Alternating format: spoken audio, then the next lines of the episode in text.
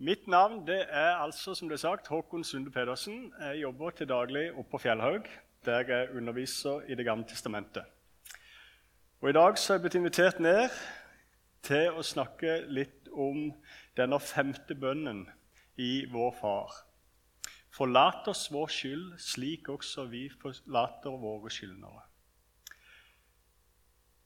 Men vi skal begynne et litt annet sted.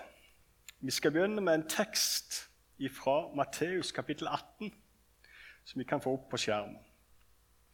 Jeg skal lese for dere.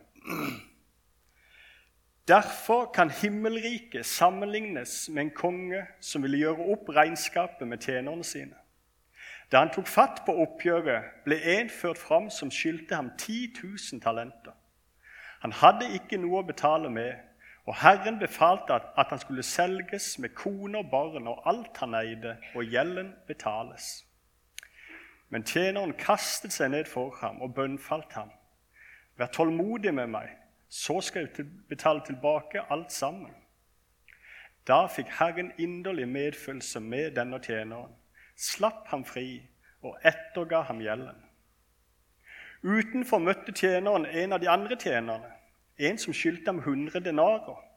Han grep fatt i ham, tok strupetak på ham og sa, 'Betal det du skylder.' Men den andre falt ned for ham og ba, 'Vær tålmodig med meg, så skal jeg betale deg.' Men han ville ikke. Han gikk av sted og fikk kastet ham i fengsel. Der skulle han sitte til han hadde betalt gjelden. Da de andre tjenerne så hva som skjedde, ble de dypt bedrøvet og gikk og fortalte herren sin alt som hadde hendt. Da kalte Herren ham til seg igjen og sa til ham, Du onde tjener, hele gjelden etterga jeg deg fordi du ba meg om det. Burde ikke du også, også du ha vist barmhjertighet mot din medtjener, slik jeg viste barmhjertighet mot deg?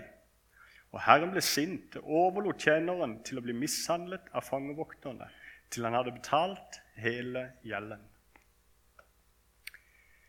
Det er litt av ei fortelling. Så dramatisk, så voldsom og så brutal.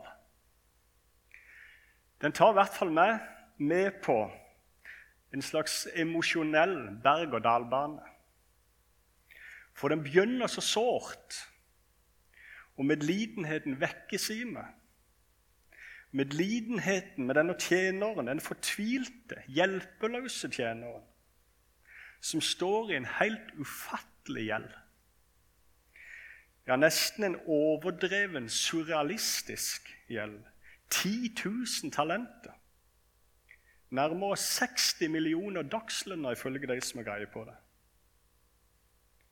Håpløst og hjelpeløst kaster han seg ned for sin herre og ber om nåde. Og så kommer de fantastiske setningene. Da fikk Herren inderlig medfølelse med denne tjeneren, slapp ham fri, etterga ham hele gjelden. Kan du tenke deg den lettelsen, den gleden, den friheten, den takknemligheten? Helt fantastisk. Og så skulle jeg ønske at fortellingen hadde slutta der. At det hadde vært over. At han slutta med en happy ending. Men fortellingen er ikke over. Den fortsetter, og plutselig tar den en helt ny, uventa og dramatisk vending. Den ettergitte og frigitte tjeneren viser plutselig fram et helt annet ansikt. Ikke før han er blitt frigitt og ettergitt, så står han og holder strupetak på en av sine medtjenere. Strupetak på grunn av 100 denarer. En ussel, liten dagslønn. Og enda verre han gir seg ikke. Han ignorerer medtjenerens fortvilte og hjelpeløse bønn om nåde. Ja, han ignorerer den bønnen han sjøl nettopp hadde benyttet seg av og ropt ut. Vær tålmodig med meg, så skal jeg betale deg. Men den frigitte og ettergitte tjeneren viser ingen medfølelse, ingen nåde. Og jeg kjenner jeg blir rasende. Og jeg føler meg lurt. Og jeg skammer meg nesten over den første innledende medlidenheten jeg hadde med denne fyren. Jeg føler han har lurt meg. En kald og kynisk bedrager. Men jeg er kanskje mest sjokkert. Åssen er det mulig? Å ta strupetak og kaste i fengsel pga. 100 danarer etter at en sjøl har fått ettergitt 10 000 talenter. Jeg skal komme tilbake til den fortellinga, men først noe litt annet. Og noe det er viktig å få sagt først. For i mine øyne så er det sånn at en gudstjeneste den har veldig ofte gjerne et bestemt høydepunkt. Et slags klimaks, kan en nærmest si som jeg opplever å stadig oftere vende tilbake til, også etter at gudstjenesten er over. Det burde sikkert ha vært talen eller lovsangen, men det er ikke det. Selv om det kan være veldig fint. Ikke misforstå. Det er faktisk heller ikke vår far. Det har nesten vært litt for godt til å være sant når jeg er invitert her og skal si noe om det. Nei, for meg så er høydepunktet heller veldig ofte trosbekjennelsen. Og Nå inngår kanskje ikke trosbekjennelsen som noe element i gudstjenesten på lørdagskveld. Det vet jeg ikke. Eh, om den gjør det, så er det fint. Om ikke den gjør det, skal jeg ikke si noe på det. Jeg skal ikke ha det til å få den inn i gudstjenesten. Det er ikke det som er målet mitt her nå. Men jeg har lyst til å minne om og understreke ett punkt i trosbekjennelsen. Ett punkt som jeg er så veldig glad i. Og Vi finner dette punktet i den tredje og siste delen av trosbekjennelsen. Der vi bekjenner at jeg tror på Den hellige ånd, en hellig allmenn kirke, de hellige samfunn og på syndenes forlatelse. Det er mitt vitnesbyrd. Jeg tror på syndenes forlatelse. Det er det jeg tror på. Og Det er det vitnesbyrdet jeg har lyst til å dele med dere i kveld. Jeg tror på syndenes forlatelse. Tenk at den kristne tro er en tro på syndenes forlatelse. Det er langt fra alle religioner og livssyn som tror på det. Noen tror på fem søyler eller plikter. Andre tror på karma. Noen trøster seg med skjebnen.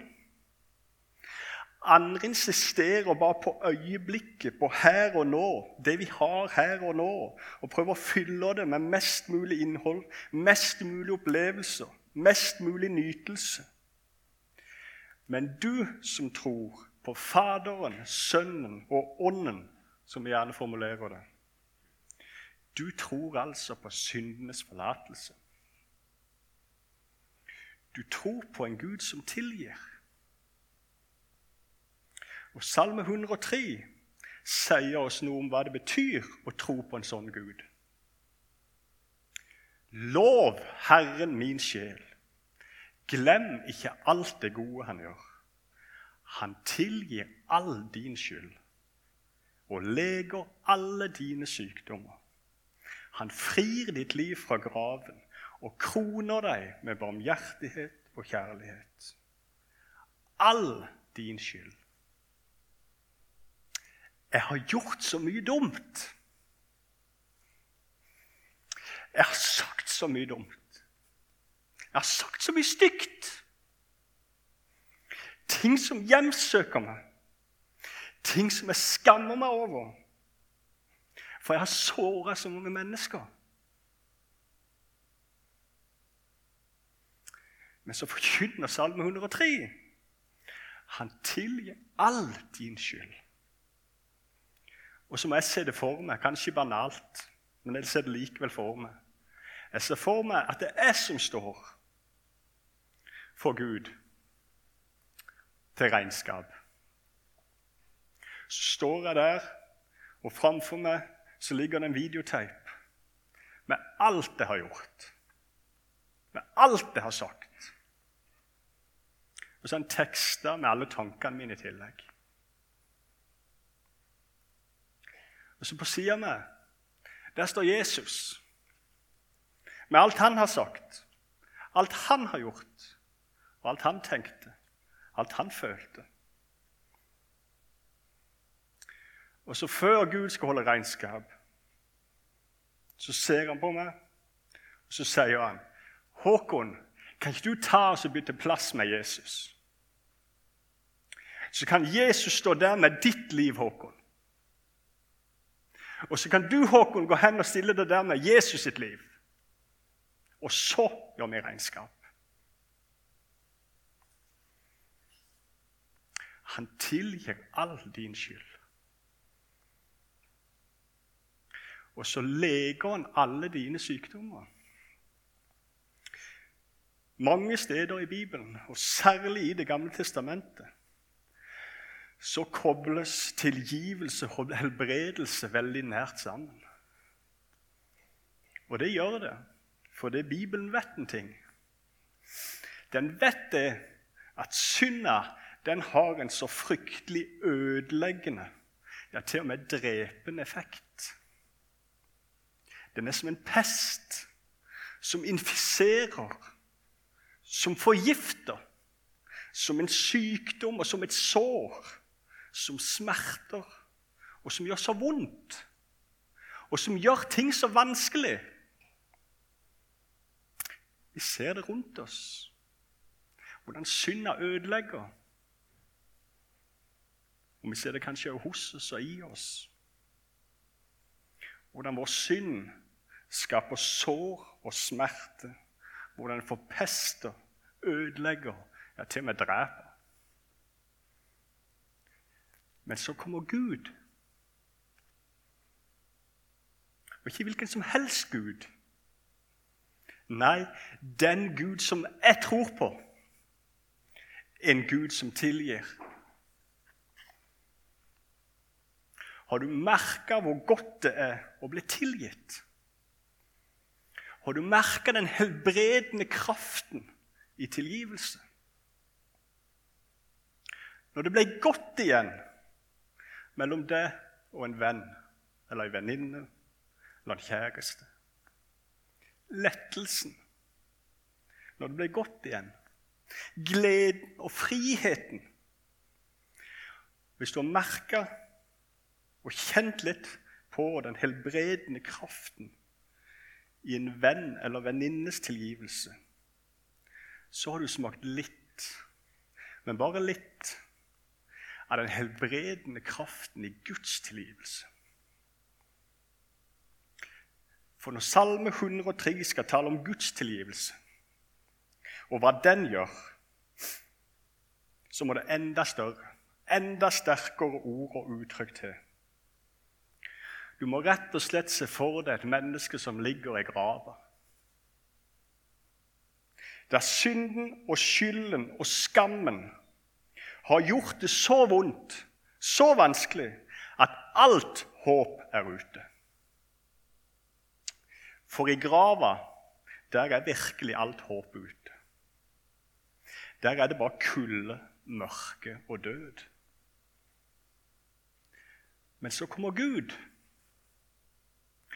den Gud som jeg tror på, som kommer med sin tilgivelse. En tilgivelse som har så mye kraft i seg at den kan løfte et menneske ut av graven, ut av det dypeste mørket, og plassere vedkommende på en trone med kongekrone på. En kongekrone som vitner om Guds kjærlighet og Guds barmhjertighet. Jeg ser det for meg, og jeg syns bildet er fantastisk. Så mektig, så kraftig og så overveldende er Guds tilgivelse. Men tilbake til trosbekjennelsen igjen. For det er én ting til som er fint med den trosbekjennelsen.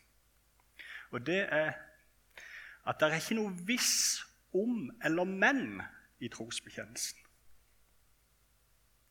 Ved troen på Faderen, Sønnen og Ånden så tror jeg på syndenes forlatelse. Punktum, hadde jeg nær sagt. Sagt på en annen måte Jeg tror på syndenes forlatelse fordi at det er sånn Gud er. Akkurat sånn som det står i Jesaja 43. Jeg, jeg er den som utsletter dine lovbrudd for min skyld. Og dine synder minnes jeg ikke. Gud er en Gud som tilgir for sin egen skyld. Han tilgir for det er det han vil, og fordi det er sånn Gud er. Det er det trosbekjennelse minner meg om. Og det er derfor jeg er så glad i han. For jeg har så bruk for syndenes forlatelse. Fortsatt. Ikke bare har jeg gjort og sagt, men jeg gjør det fremdeles. Og det vet Jesus. Jesus vet at jeg trenger tilgivelsen. Og så vet Jesus én ting til. Han vet det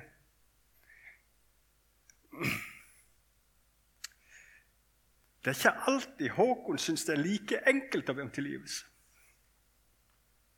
For noen ganger er skammen for stor. Så jeg vet ikke om jeg verken kan eller tør å be om tilgivelse enda en gang. For også det Men Jesus vet om den skammen og fortvilelsen. Derfor så rekker han, og så gir han meg og det, sammen med alle sine disipler, bønnen 'Vår Far'. For hvordan kan Jesus forsikre oss om at Gud er en Gud som virkelig vil tilgi for sin egen skyld? Jo, ved sjøl å gi oss og legge denne bønnen i vår munn. Sånn at vi kan si, hviske, rope de ordene som Jesus sjøl har gitt oss. Og så kan jeg bruke Jesu ord til å komme til Jesus og rope til ham.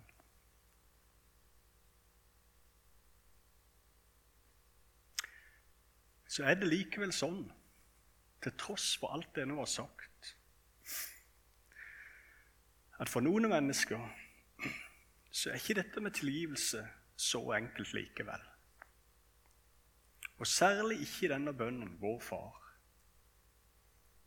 For i motsetning til trosbekjennelsen så er det ikke noe punktum etter bønnen 'tilgi oss vår skyld', men det er et komma. Slik også vi tilgir våre skyldnere. Det finnes en hel del mennesker i vår verden, og trolig også her inne, som har opplevd å bli krenka på det groveste og vært utsatt for dyp, dyp urett. Andres synd har skapt noen uendelig dype sår. Så når vår far har et komma etter bønnen 'tilgi oss vår skyld', og knytter Guds tilgivelse av oss sammen med vår tilgivelse av vår neste, da blir det vanskelig. Og for noen blir det veldig vanskelig. Det er som om trosbekjennelsen og alt det har sagt om Guds tilgivelse så langt, ikke gjelder lenger. Man ser bare på 'slik også vi tilgir våre skyldnere'. Og så kjenner han på det at det er umulig. Ja, Man kjenner seg kanskje mest igjen i tjeneren i Matteus 18, i den fortellingen vi leste innledningsvis. Han som tok strupetak og kasta sin medtjener i fengsel. Det er mest det en har lyst til å gjøre. Til deg som har det sånn, så har jeg lyst til å si et par ting. Men først en ting til oss alle. For ja, Matteus 18 og vår far inneholder et alvor. Utvilsomt. Guds tilgivelse er ikke noe å leke med. Enda noe, mindre noe vi spotter, forakter. For når jeg tror på syndens forlatelse, så tror jeg ikke bare på Guds tilgivelse, men jeg tror også på tilgivelse mellom oss mennesker. Og jeg tror Guds tilgivelse og vår tilgivelse henger sammen. Det er dette både vår far og ikke minst fortellingen i Matteus 18 minner oss om. Guds tilgivelse er en umistelig og dyrebar gave som forplikter. Den forplikter til ikke å ignorere når min neste innstendig ber meg om tilgivelse, ber meg om nåde. Jeg som har fått ettergitt 10 000 talenter. Jeg kan ikke lukke hjertet for den som skylder meg 100 denarer. Det minner vår far oss om. Men så har jeg også lyst til å legge til For så vidt til oss alle, det også. Men særlig til den som sitter med noen erfaringer som gjør dette med tilgivelse vanskelig. Ikke glem at vår far er en bønn, gitt det som en gave. Den er ikke et bud, men en trussel. Det står ikke 'tilgi den som står deg gjeld', ellers vil ikke Gud tilgi deg. Står ikke det i vår far. For vår far er en bønn, ikke et bud. Dessuten, selv om vår far er en viktig tekst i vår bibel, og på mange måter står i en særstilling, så står den ikke alene i Bibelen. Først så står den sammen med mektige ord som Salme 103 og Jesaja 43, som vitner om at Gud tilgir ubetinga for sin egen skyld. For det er sånn Gud er. Dernest så står den sammen med en mengde andre bønner, særlig i Salmenes bok. Og der finner vi mange bønner som nettopp er gitt til den som har vært eller blir utsatt for grov urett, for vold, overgrep, svik, bedrag, hån og spott. Og de bønnene de står der som mektige vitnesbyrd om at det fortsatt er noe som heter rett, det er noe som heter galt. Og at Gud på et eller annet tidspunkt, før eller siden, sjøl skal sørge for at rett og rettferdighet blir etablert og skjer fyldest. Disse bønnene står altså side ved side i Bibelen om bønner om tilgivelse. De må aldri settes opp imot hverandre. De må lyde fullt, begge deler. Og så er det mye mer som kunne vært sagt, og burde vært sagt, om akkurat det. Men i dag så var det bønnen om tilgivelse som var tema. Og Jeg har lyst til å avslutte med mitt vitnesbyrd og min bekjennelse. Jeg tror på syndenes forlatelse. Og jeg trenger det så sårt. Jeg tror på den helbredende og livgivende kraften i Guds tilgivelse. Og jeg trenger det også så sårt. Og så skjønner jeg òg at Guds tilgivelse forplikter i møte med min neste. Takk, gode Gud, for din tilgivelse. Og lær meg å tilgi min neste. Amen.